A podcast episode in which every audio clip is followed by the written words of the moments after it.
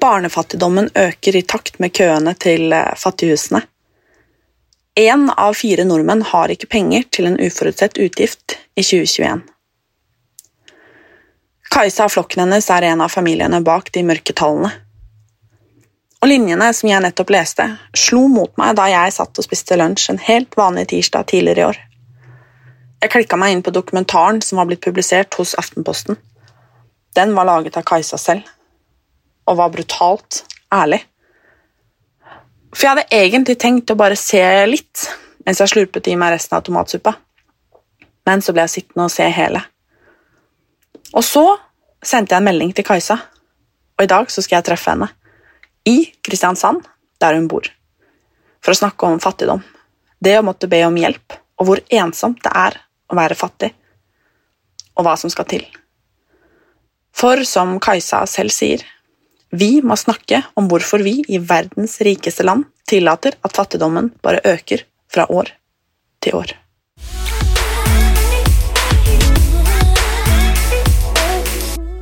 Kan jeg begynne å stille hva legger du i ordet fattig? Ja. Mm. Um, det er mange måter å definere det på.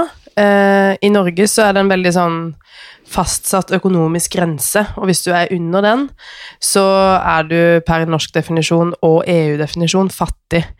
Um, det jeg legger i begrepet fattigdom, er kanskje liksom mer hva det gjør med deg når du er fattig. Um, og jeg syns ikke alltid at de der standardene som er satt, er så gode på å romme hva fattigdom er. Um, så hvis du er fattig, sånn som jeg har vært, uh, så for meg så var det dårlig søvn. Eh, man sover nesten aldri, eller jeg sov aldri, for jeg var kontinuerlig bekymra, stressa og redd for i morgen, og for hvordan jeg skulle løse alt som jeg ikke fikk løst. Eh, jeg hadde tannverk, og um, det er en følelse av konstant uro og bekymring som bare dirrer innvendig. Eh, så er fattigdom også utrolig mye mer enn det å ikke ha penger på konto. Um, det er ofte kanskje det man assosierer, at man har lite penger. Uh, men det å ha lite penger, det blør inn over alle aspekter av livet. Så ja, det er en jobb med å liksom konstant skjule situasjonen sin. Uh, spesielt skjule den for uh, Jeg har jo barn. Skjule den for de. for min største frykt var at det skulle begrense de på noen måte, eller at de skulle skamme seg over situasjonen. Eh, og også egentlig skylden for eh, kollegaer og alle utenom de absolutt nærmeste. Men kanskje også de i perioder. Ja. Har du alltid liksom vært fattig? Ja, skal vi se. Jeg har vokst opp i fattigdom. Jeg har vokst opp med mammaen min, alenemor. Um, så siden jeg var barn, så har jeg vært eh, oppvokst i fattigdom og i ungdomstida. Um, og når jeg flytta hjemmefra, var jeg veldig ung. Um, jeg var 15 da jeg flytta hjemmefra. Um, så droppa jeg ut av videregående, som er veldig typisk for folk uh, i min situasjon. så begynte jeg å jobbe i et uh, lavtlønna yrke, som også er veldig typisk. Jeg jobba som servitør og kokk og bartender. Så ble jeg mamma da jeg var 19, eh, uten å ha noen form for formell utdannelse eller noe særlig arbeidserfaring, for jeg var ganske ung. Um, så da var jeg også fattig. Um, for det er man som regel hvis man får Nav-ytelser, da. Uh, og så begynte jeg å studere. Og da tror jeg nok ikke jeg var liksom per definisjon fattig, uh, men det var en veldig hard kamp for å ikke være det, da. Så jeg studerte jo 100% og så hadde jeg jo dattera mi mer eller mindre aleine. Og så måtte jeg jobbe ved alle muligheter jeg fikk, da, alle lommer. Så jeg har vært mye med meg på jobb. Um, ja, og når jeg var ferdig med å studere, så var jeg igjen fattig, da, merkelig nok. Um, I den første jobben min, den var, som jeg starta i, for, i 2018, som var veldig dårlig betalt, selv om det var i kommunen og 100% og med utdanning og sånn, da. Så hadde jeg ganske mange jeg skulle forsørge. Ja. Men nå er jeg ikke fattig, da. For første gang sånn ordentlig? Ja. ja. Um, og det er det flere grunner til. Uh, kjæresten min er ferdig med å studere til våren. Og så har jeg fått litt høyere lønn med lønnsøkning og forhandling. Og så har jeg, kanskje det viktigste aspektet, betalt unna en del negativ gjeld. Som er sånn Jeg tenker ikke på studielånet kanskje som en del av det, men eh, sånn tidligere brannslukning, da. Um, det var en periode hvor vi betalte strømregning og SFO og forsikring med kredittkort fordi vi ikke hadde penger til det. Og nå er jeg ferdig med all den gjelda, uh, så ganske lenge nå så har jeg faktisk følt meg rik. Ja. Så fantastisk. Ja. Men jeg, jeg nevnte det jo litt for deg, Mm. men når jeg tenker på fattig, så er jeg jo både på en måte oppdratt til, Mm. altså gjennom skolen og altså alltid liksom at de fattige Altså, man har alltid hørt det der Nei, du må spise opp maten din for å Mm. tenke på de barna som ikke har mat i Afrika, liksom. Mm, mm. Som jeg i voksen alder har lært at er ganske Ja, om vi til og med skal kalle det ignorant, Mm. og litt sånn flåsete. Mm. Men jeg tror jo at det Den type fattigdom er det vi på en måte forbinder med fattigdom. Mm. Men så hører man jo fra tid til annen om fattigdommen vi har her til lands også. Mm. Og litt som jeg også sa til deg, så får i hvert fall jeg alltid en klump i magen når jeg ser det. Men så er det litt sånn vanskelig å forholde seg til. Mm. Det det. Fordi det er så fjernt. Fordi vi liksom har det så godt. Mm. Og så hører jeg din historie, og så forstår jeg at det ikke Det er veldig mange det ikke stemmer for, da. Mm. Ja. Um, vi snakka litt om det i stad, uh, før vi begynte opptaket, men jeg husker fra barnsben, fra jeg var liten jente og gikk på skolen i Norge, så lærte vi jo alt det vi egentlig er veldig stolt av med Norge, da. Eh, at vi har et gratis rettssystem, at vi har gratis helse, at vi har gratis utdanning. At vi mer eller mindre kan bli og gjøre hva vi vil, fordi at vi har alle muligheter i verden til å gjøre og bli hva vi vil, og det er helt gratis. Eh, Det lærte jeg på skolen, og vi sendte jo også liksom penger med OD-dagen og med eh, sånn eh, fadderby i andre land og sånn penger til, til barn som hadde andre forutsetninger enn oss, som jeg syns var helt fantastisk. Eh, men det gjorde òg at eh, alle de tingene jeg lærte på skolen, opplevde jeg ikke at stemte for meg og min familie. da. For det, når vi lærte om at vi hadde gratis helsesystem i Norge, så gikk jeg hjem til en mamma som ikke kunne tygge mat, for hun hadde ikke tenner. Eh, før hun ble 40 år, så mista hun alle tennene sine av en sykdom. Og hun hadde ikke penger til å gjøre noe med det. Vi hadde ingen penger til å gjøre noe med det. Og det var ikke noe gratis helsesystem som hjalp henne med det. Det fantes ikke gratis tannhelse i Norge. Um, så jeg opplevde stadig når jeg var liten, at det jeg lærte på skolen, ikke stemte for meg og min familie. Og det ble veldig vanskelig å prosessere, så istedenfor å på en måte tenke at Nei, men rekk opp handa og si det du sier nå stemmer ikke. Det krever ganske mye guts og forståelse når du er liten. Eh, så istedenfor å liksom bli sint på det jeg lærte på skolen, og at det ikke stemte, så retta jeg på en måte den forvirringa innover, da, som begynte Som skapte en sånn følelse av skam. Eh, skamma meg over situasjonen vår, for da måtte vi på en måte ha dritt oss ut, eller ikke skjønt det alle andre skjønner, eller ikke klare det alle andre klarer. For det var jo liksom gratis og en universell gode i Norge. Men den gjaldt ikke for oss. Så allerede som barn så lærte jeg meg når og hvor jeg skulle snakke om situasjonen vår, og når og hvor jeg ikke skulle gjøre det. Eh, og så kjente jeg på en sånn ja, følelse av skam, da. Eh, periodevis. Men også frustrasjon og sinne.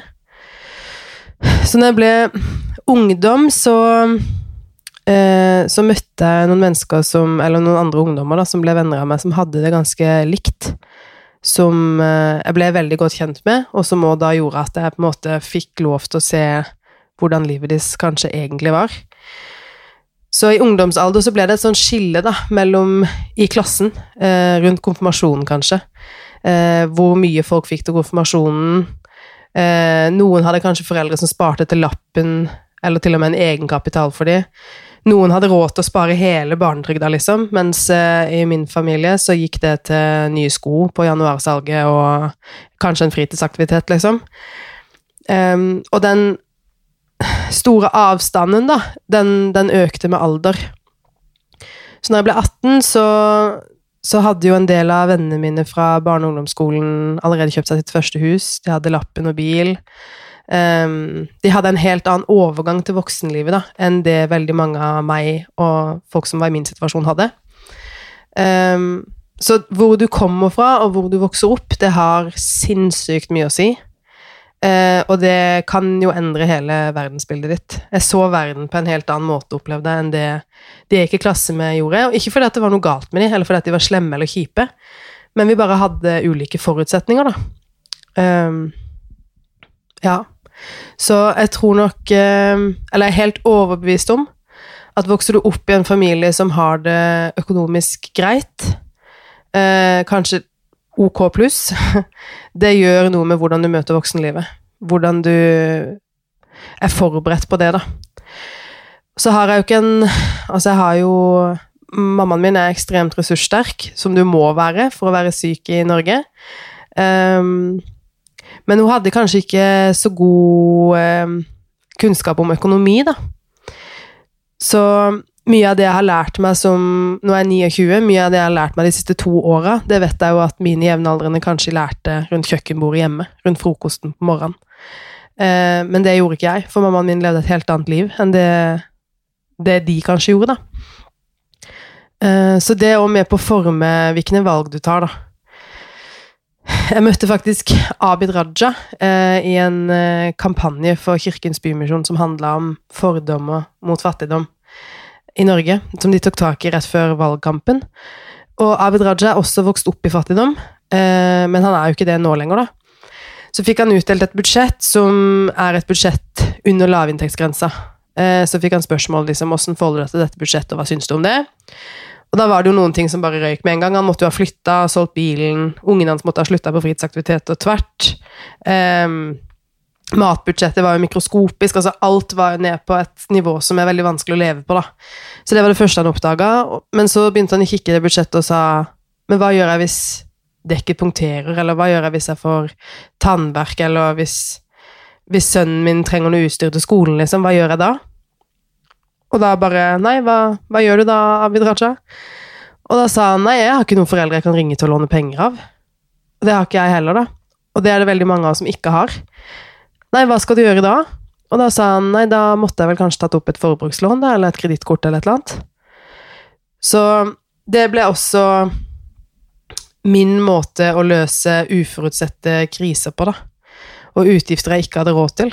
Uh, og det er jo helt soleklart som å pisse i buksa for å holde seg varm. Altså, du, du, bruker penger du ikke har, til å dekke en utgift du ikke har råd til. Og i tillegg så får du vanvittig høye renter på eh, på den strømregninga, da, for eksempel.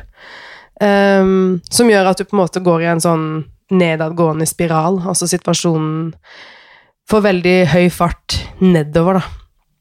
Uh, og sånn ble det også for oss, da. Um, og da Da får man ikke sove. Um, da tikker det inn meldinger på telefonen hele døgnet. Det ringer konstant. Postkassa blir smekkfull av ulike mennesker som vil ha pengene sine som du ikke har. Og da går det veldig fort til helvete, da. Um, som det også gjorde for oss.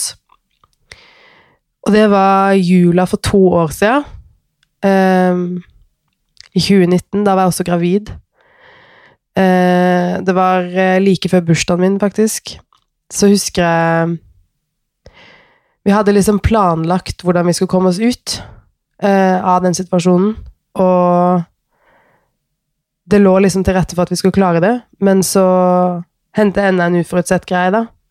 Stipendet ble ikke innvilga likevel for kjæresten min, for han er tysk.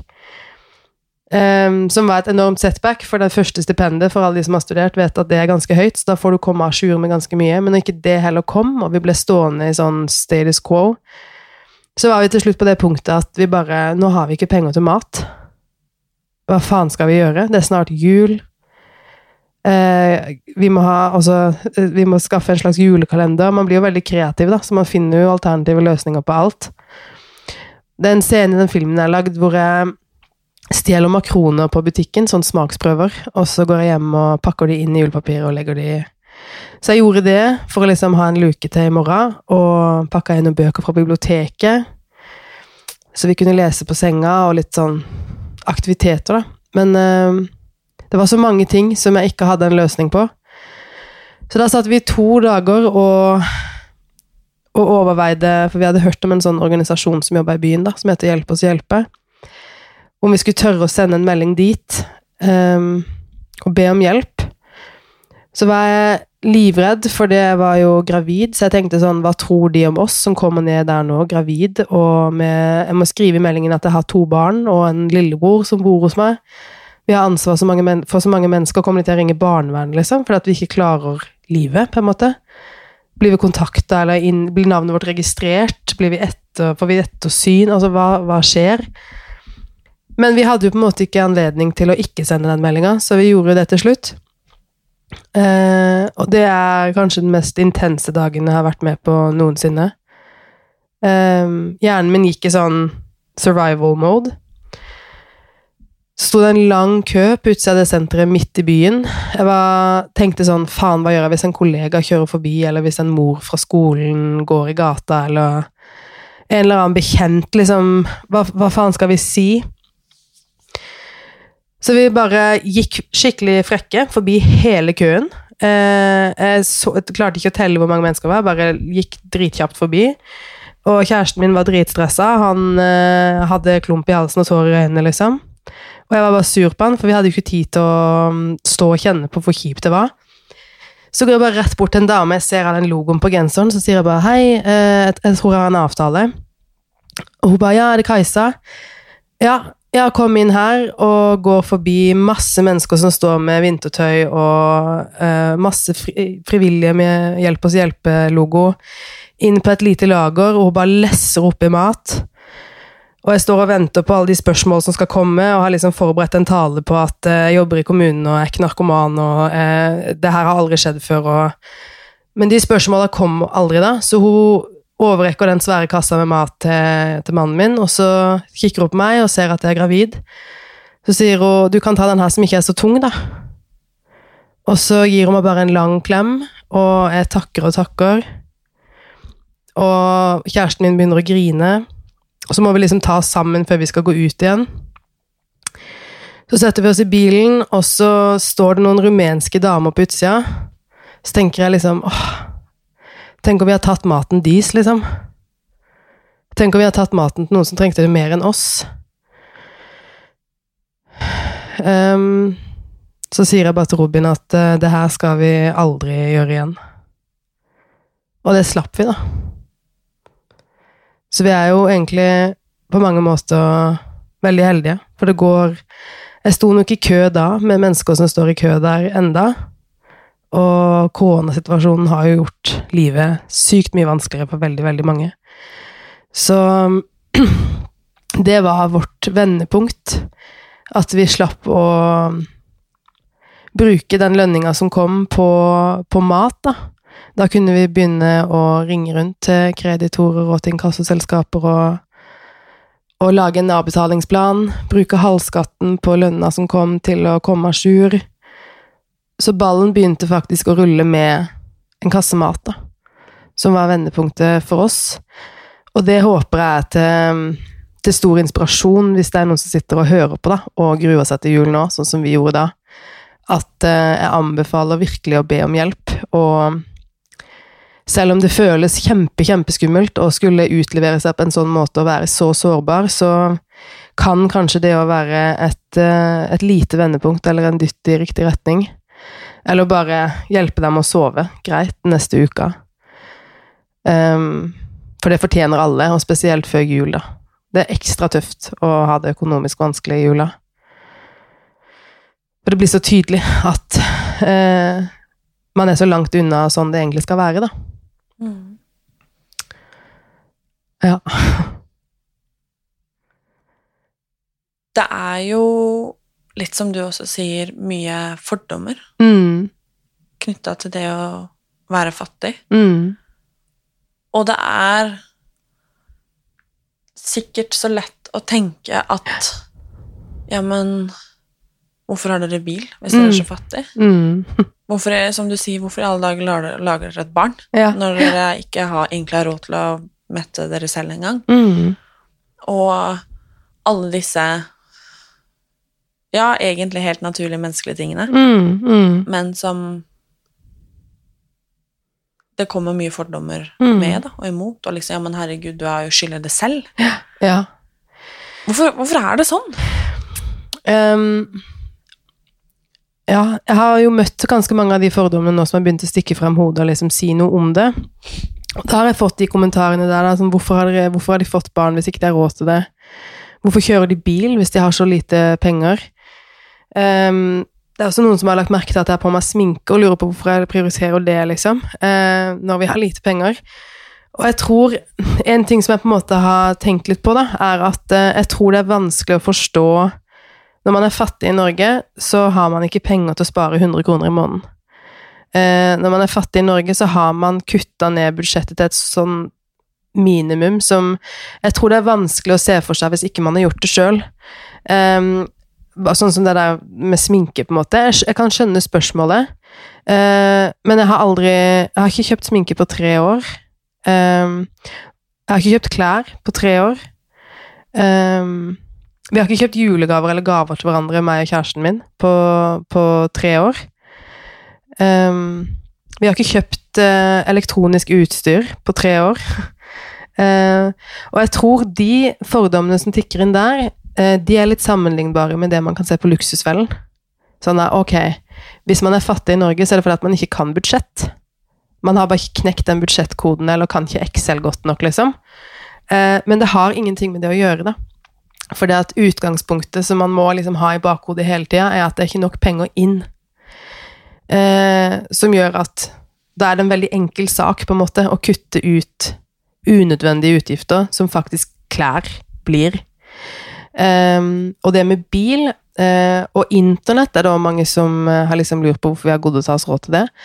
Um, det er jo faktisk sånn at når man er forelder, da, så har man jo veldig lyst til å gi barna sine så like muligheter som man kan, som klassekameratene har. Uh, også hvis du er fattig i Norge, så leier du kanskje et, i et område som er billig, og det er sjelden sentrumsnært. Det er ganske langt unna der alt skjer. Skole, fritidsaktivitet og jobb osv. Så, videre.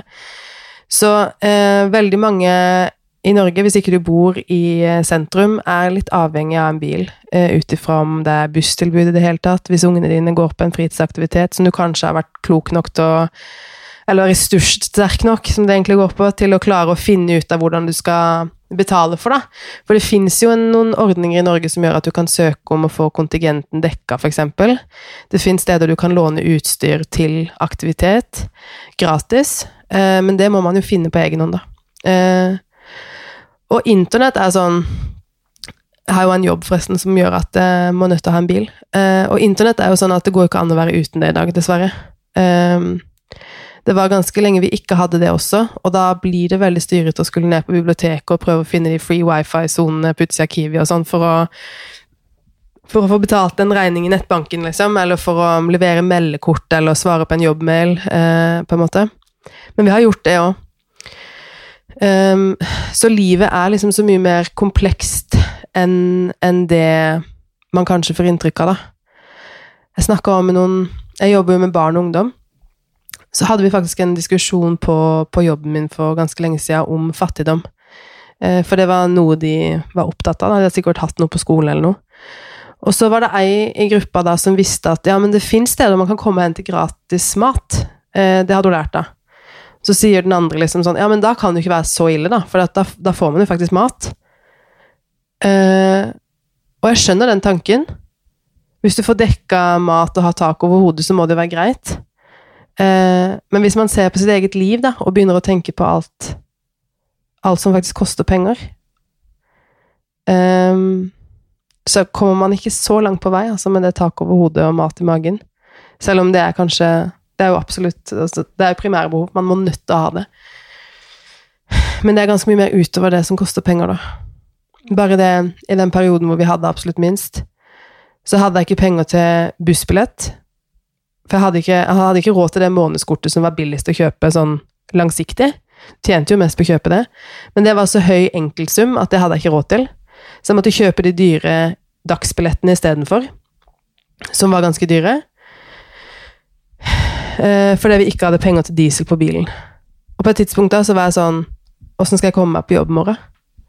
Jeg har ikke penger til billett, jeg har ikke penger til diesel, jeg har ikke penger til Jeg kan ikke sykle, for det er liksom en og en halv time til jobb. Uh, med sykkel, da. Ja, så da må man bare finne på et eller annet og bare Du, kjæresten min må bruke bilen i morgen, kan jeg sitte på med du til jobb? Hos en kollega og bare håpe at noen skal i samme retning. Så det er de der konstante avbrytelsene i livet, da. Fordi at det er så mye som sirkulerer rundt penger. Eh, og siden hver minste lille ting i løpet av en hverdag spinner tilbake til at det har vi ikke råd til, det må vi løse på en eller annen måte. Har vi huska å ringe de? Har vi levert den søknaden der? Ringte vi henne opp igjen? Svarte på den meldingen? Det er tusenvis av de. Eh, som også gjør det vanskelig å lage de der langsiktige, gode, strategiske investeringene i fremtiden, da. Eh, som jeg også tror er grunnen til at mange kanskje sliter med å ta høyere utdanning, fordi at det er så langt fremme. Du må jo bare få til dagen i dag. Um, ja, du må bare finne en løsning på åssen skal vi bli mette i dag, åssen skal vi prøve å få utsatt den regninga en uke til nå, sånn at ikke den nå går til inkasso, på en måte. Mm. Føler du at du må forsvare deg? Ja, absolutt. Mm. Um, absolutt. Og hver gang jeg snakker om dette, så, så har jeg jo det kommentarfeltet i bakhodet. Jeg har alle de som som tenker 'Hvorfor i helvete er du så dum å få et barn til når du er fattig?' Eh, så det blir en sånn Og, og mye av det eh, stammer nok fra jeg var barn. Fordi eh, jeg har opplevd mange ganger og fått den frykten min bekrefta. At det er mange som tror at hvis du er fattig i Norge, så er det noe galt med deg. Da er du rusmisbruker, eller det er vold i hjemmet, eller du er en eller annen type avviker, da, fordi at eh, det skal jo ikke være mulig å være fattig i Norge. Så hvis du er det, så må det være et symptom på en mye større bakenforliggende problematikk. Um, og det har jeg vært veldig, veldig redd for at folk skal tenke. Så jeg, med en gang jeg skal åpne munnen min om dette fremdeles, så forskanser jeg meg liksom på alle områder for å I håp om at folk ikke skal tenke det, da. Um, samtidig så sliter jeg veldig, veldig, veldig med den offerrollen man fort får som fattig i Norge, at folk skal synes synd på meg og sånn. Som er en helt menneskelig greie. Altså, jeg syns også synd på folk som er fattige, for jeg vet hvor jævlig hardt det er. Men det er veldig vanskelig når man For jeg opplever meg sjøl som en ressurssterk dame. Um, og da sliter jeg med å liksom identifisere meg med den offerrollen, for det er gjerne noen man på en eller annen måte ser litt ned på, eller tenker at man må hjelpe opp for et eller annet. Um, så jeg håper jo at man kan snakke om fattigdom på et sånt nivå som likestilling. At vi har en enorm likestillingsutfordring i Norge når vi har i 2021 en halv million fattige nordmenn. 130 000 fattige barn. Som vi år etter år ser at øker. Og uansett hvordan regjering vi har hatt til dags dato, så har de ikke klart å få bukt med den utfordringa. Og det er en halv million nordmenn som er veldig begrensa i mulighetene sine. Så jeg er enig i at i Norge så har vi anledning til å ta utdanning. Eh, den er lik for alle. At den, den er ikke gratis, for den mastergraden min kosta en halv million. Men eh, alle har den muligheten. Men det er ikke alle som har den samme forutsetninga for å benytte seg av den muligheten. Um, så jeg, jeg, tror jo at sånn sånn Hvis vi bærer videre med oss det systemet vi har i dag, så vil vi masseprodusere fattigdom, da. Um, så vi er nødt til å Ja, jeg håper vi kan se på det som et likestillingsproblem, for da blir det ikke den enkelte det enkelte menneskets skyld å liksom stå opp for og snakke for en halv million nordmenn. Uh, for det man legger seg jo til hogg. Også man legger seg jo til når jeg har snakka om dette og, og, og, vist den filmen som har lagd, og, og, har hatt foredrag om dette og gjesteundervisning og sånn, så er det veldig få som tør å stille meg direkte spørsmål når jeg står der. Men så ser jeg kommentarfeltet etterpå, eller ja, hva folk egentlig har tenkt og ment da. Så, så man legger seg sjøl til liksom total granskning og analyse på et punkt som er veldig sårbart. Ehm, og det tror jeg gjør at folk ehm, ja, skammer seg da, når de ser kommentarfeltet. Det koster mye å skulle si noe om dette og være et ansikt for det. Eh, så jeg tror det er derfor vi også ser at de tilfellene man leser om før jul, da, gjerne om hun alenemora som ikke har råd til strøm, eller den barnefamilien som ikke vet hvordan de skal få kjøpt julegaver til ungene sine i jula, de er veldig ofte anonyme. Og jeg skjønner de kjempegodt. Fordi det er, eh, det er tungt å stå til ansvar og forsvare seg eh, for alle de spørsmåla, som også er naturlig at kommer. For vi, vi gjentar jo dette at vi er et verdens rikeste land som har alle muligheter i verden. Men eh, det er ikke alle som har anledning til å benytte seg av de mulighetene, da. Dessverre. Mm. Jeg merker at jeg syns det er At jeg blir skikkelig lei meg. Mm. Um, og så føler jeg meg kanskje litt sånn Jeg Fortvila, bare. Ja. For at når du sitter og prater nå også, så begynner jeg å tenke sånn Hvem har jeg gått i klasse med mm. som har skjult dette her, eller måtte skjule dette her? Mm. Hvem har jeg invitert til bursdagen min, mm. som har kommet med en gave mm. på lik linje som alle andre som fordi det er sånn det er, mm. som personen kanskje ikke har hatt råd til? Mm. Eller hvem har ikke kommet? Fordi at de ikke har hatt råd til gave? Og alle disse Alle disse menneskene som det åpenbart har vært, mm. og som jeg ikke har hatt peiling på. Mm. Og når jeg forstår åssen du har hatt det, så blir jeg skikkelig lei meg. Mm. For at det er sånn det er. Og jeg lurer på dette her med, med jula, da, og julegaver, for eksempel. Mm som er så innprenta i oss, liksom. Mm. Um, og det er jeg både gjennom jobben min og også privat. Altså, jeg elsker å gi julegaver. Altså, ja. Det spiller ingen rolle å få, bare jeg får gi, liksom. Jeg syns ja. det er kjempegøy. Ja. Og det har jo alltid vært sånn. Um, men hvordan er det egentlig å, å, ikke kunne være med på det? Mm. Ja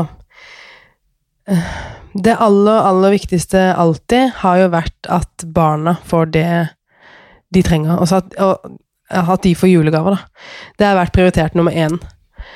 Uh, og så har jeg jo ofte tenkt sånn åh, det mennesket jeg har julegave til meg i fjor, uh, jeg har ikke råd til å gi tilbake, liksom. Eh, så jeg har ofte liksom vært sykt nøye på å si jeg ønsker meg ingenting, jeg har ikke lyst på noe som helst, vi har alt vi trenger. Ikke gi meg julegave, liksom. Eh, Gi heller til noen andre. Prioritere barna, liksom. Og det har jeg jo også på mange måter ment, men det er også i redsel for at jeg skal motta en gave jeg ikke har anledning til å returnere, liksom. Fordi eh, jeg er jo helt enig. Altså, jeg, jeg elsker å gi gaver sjøl. Det er veldig fint. Og jeg liker gjerne å bruke litt tid på gaven, liksom Ja, sånn at de som pakker det opp, merker at jeg har liksom investert litt tid i å finne noe som jeg tenker at de liker, da. Eller noe de hadde behov for.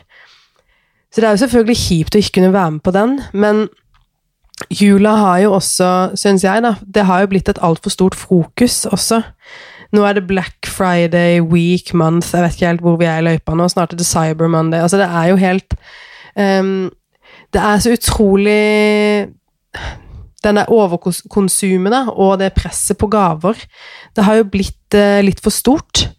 Så nå, nå, tenker jeg sånn, Er det fordi jeg har blitt voksen, eller har jeg endra litt perspektiv? For på julaften så syns jeg jo det som er hyggeligst, er jo å sitte samla rundt et bord. Altså den der gamle klisjeen om at man endelig har tid til å nyte det måltidet man har brukt litt tid på å lage.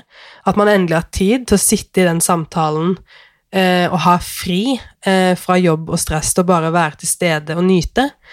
Så for min del så syns jeg jo det hyggeligste med julaften, det er morgenen frokost og ha kjempegod tid i pysjamas og bare nyte med ungene med alle de her klassikerne som er nostalgiske. Og så er det mm, måltidet, når alle kommer, og det lukter jul, og det er liksom Det er faktisk alt annet enn de gavene, da.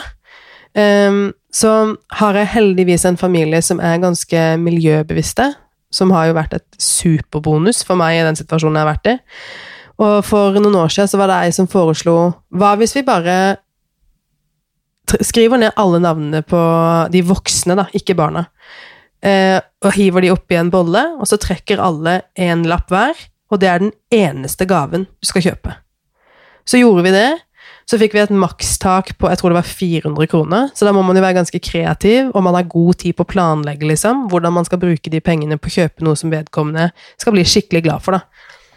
Og det bare senka presset, og eh, det var superfint for lommeboka, det var superfint for miljøet. Og så ble det heller litt stas når, når vedkommende skulle åpne den gaven, da, som alle hadde brukt lang tid på eh, i forkant. Så betydde det litt mer, da. For det, det var liksom Det var ikke bare noe som var kjøpt i farta for å liksom ha en merkelapp og ha den gaven under treet. Det var liksom investert noe annet i det. Um, så jeg er veldig heldig som har en sånn familie, da, eh, som setter pris på de tinga der. Men det verste med jula, sånn det året hvor alt var ordentlig kjipt, eh, det er jo redselen for at man ikke skal klare å lage den julestemninga. At man ikke skal klare å lage en slags eh, Ja, den hyggen, da. Det er det som har vært eh, kjipest. Men så må jeg bare si òg Det var et utrolig fint resonnement. At hvem har jeg møtt som har skjult dette for meg? Eh, og det er akkurat sånn. Eh, det er jo en vanskelig tanke, men det er akkurat sånn jeg håper at folk tenker. At ikke Du, du kan mest sannsynlig ikke se det på vedkommende. Det er ikke slitte sko og hull i tøyet og en kopp i handa. For det er den absolutte fattigdommen som er sånn umulig å overse. Men det er mest sannsynlig naboen din, det er mest sannsynlig en du er i slekt med, det er mest sannsynlig en eh, mor i klassen til barnet ditt, eller eh, Eller en du omgås, da, som du tenker at uh, nødvendigvis ikke sliter med økonomi. Fordi man kan ikke se det på folk. Uh, så jeg syns det var et veldig fint resonnement. Um, så håper jeg jo òg at de som kanskje jobber et sted, eller er i kontakt med mennesker da, som er i ulike situasjoner, og det er vi alle sammen eh, Hvis du f.eks. er sjef, da, eh, tenke litt på ok, hvordan legger vi til rette for at folk må bruke penger her for å delta på lik linje som alle andre. Har man sånn der vinlotteri hver fredag? Har man sånn at man må vippse hver gang noen gifter seg? Vippse noe penger i en pott? Eh, for det er mest sannsynlig ikke alle på den arbeidsplassen som har anledning til det. Jeg har sjøl liksom ja, jeg har gjort så mye rart for å tjene penger til å kunne delta på lik linje. da. Sånn, ok, I klassen til dattera mi så er det makstak på, på bursdagsgaver.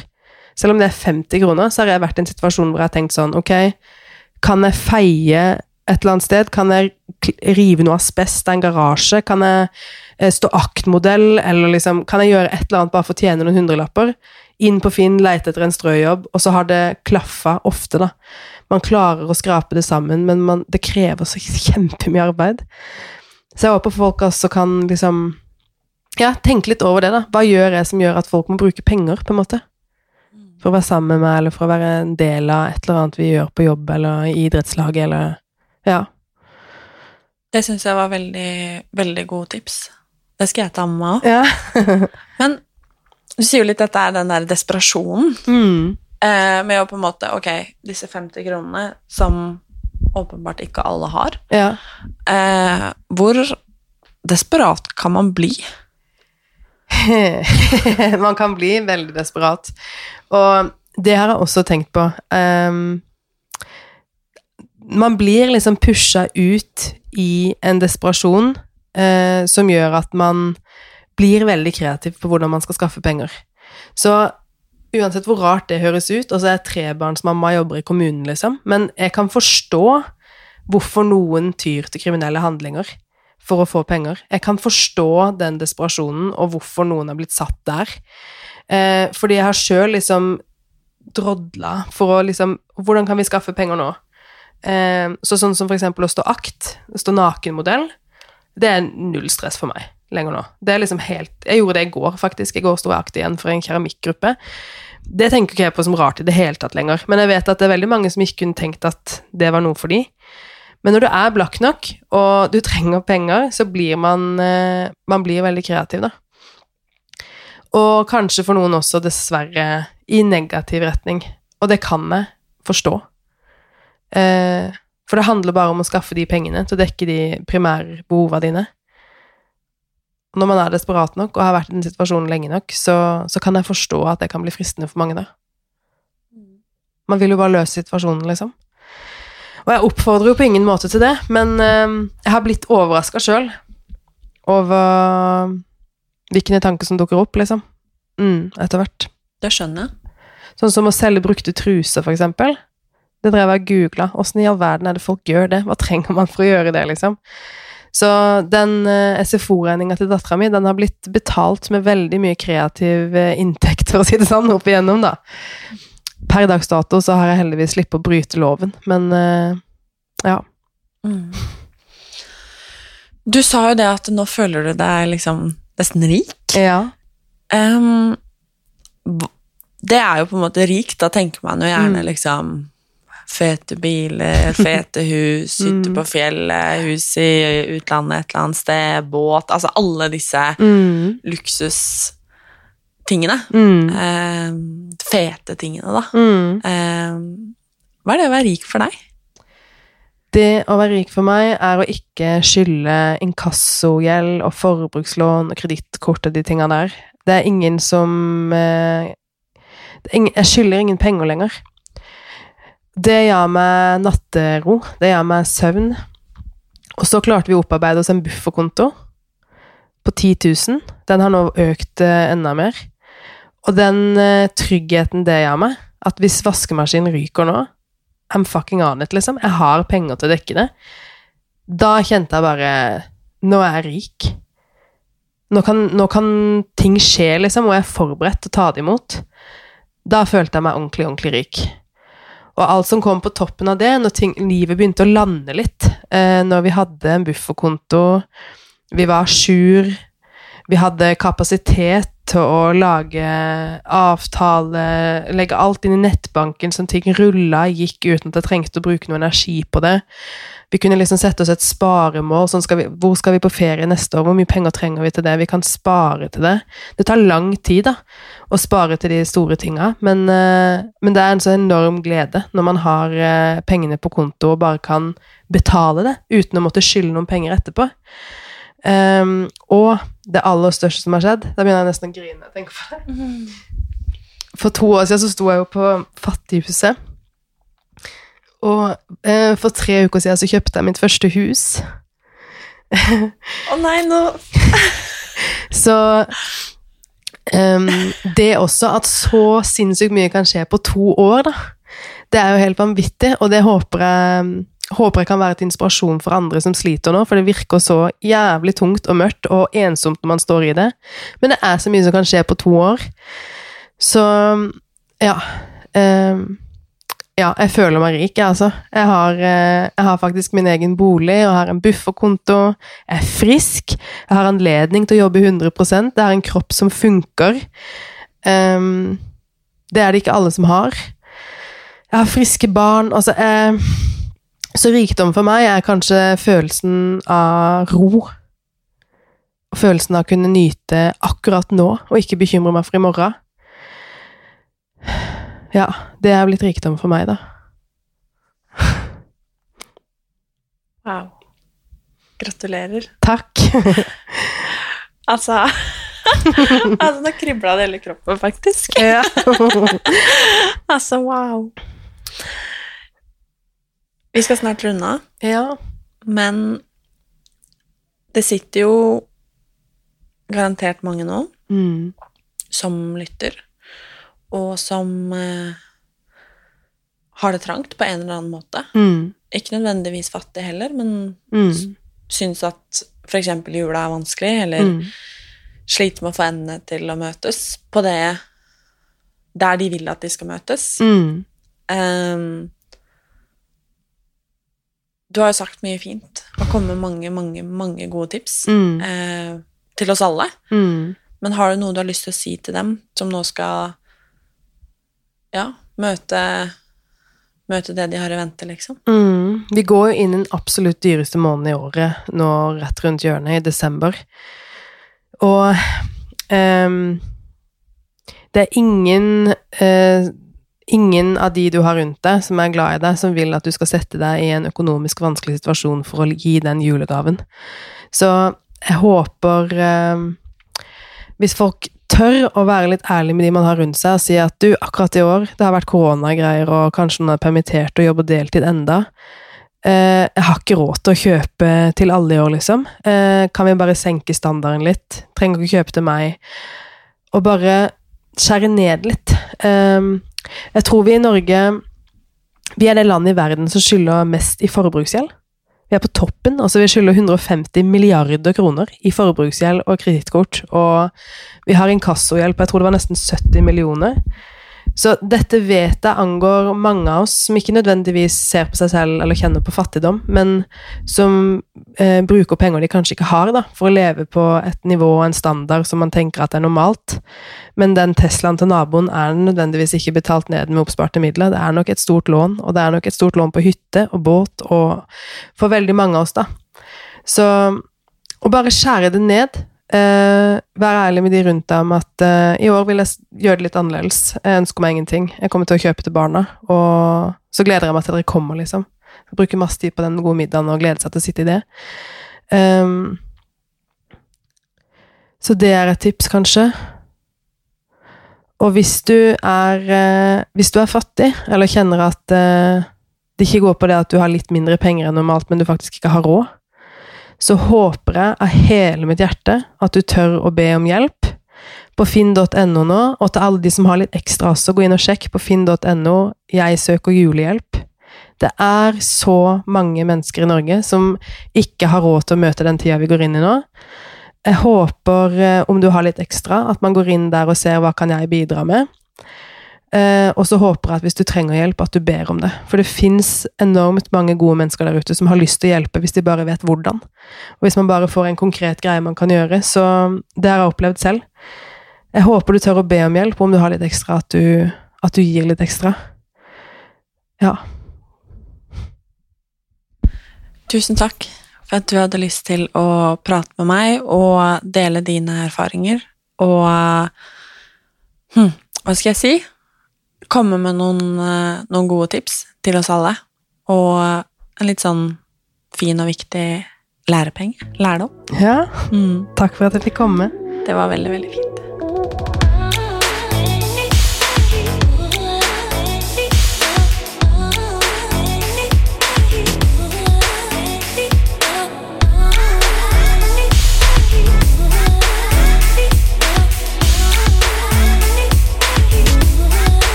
moderne media.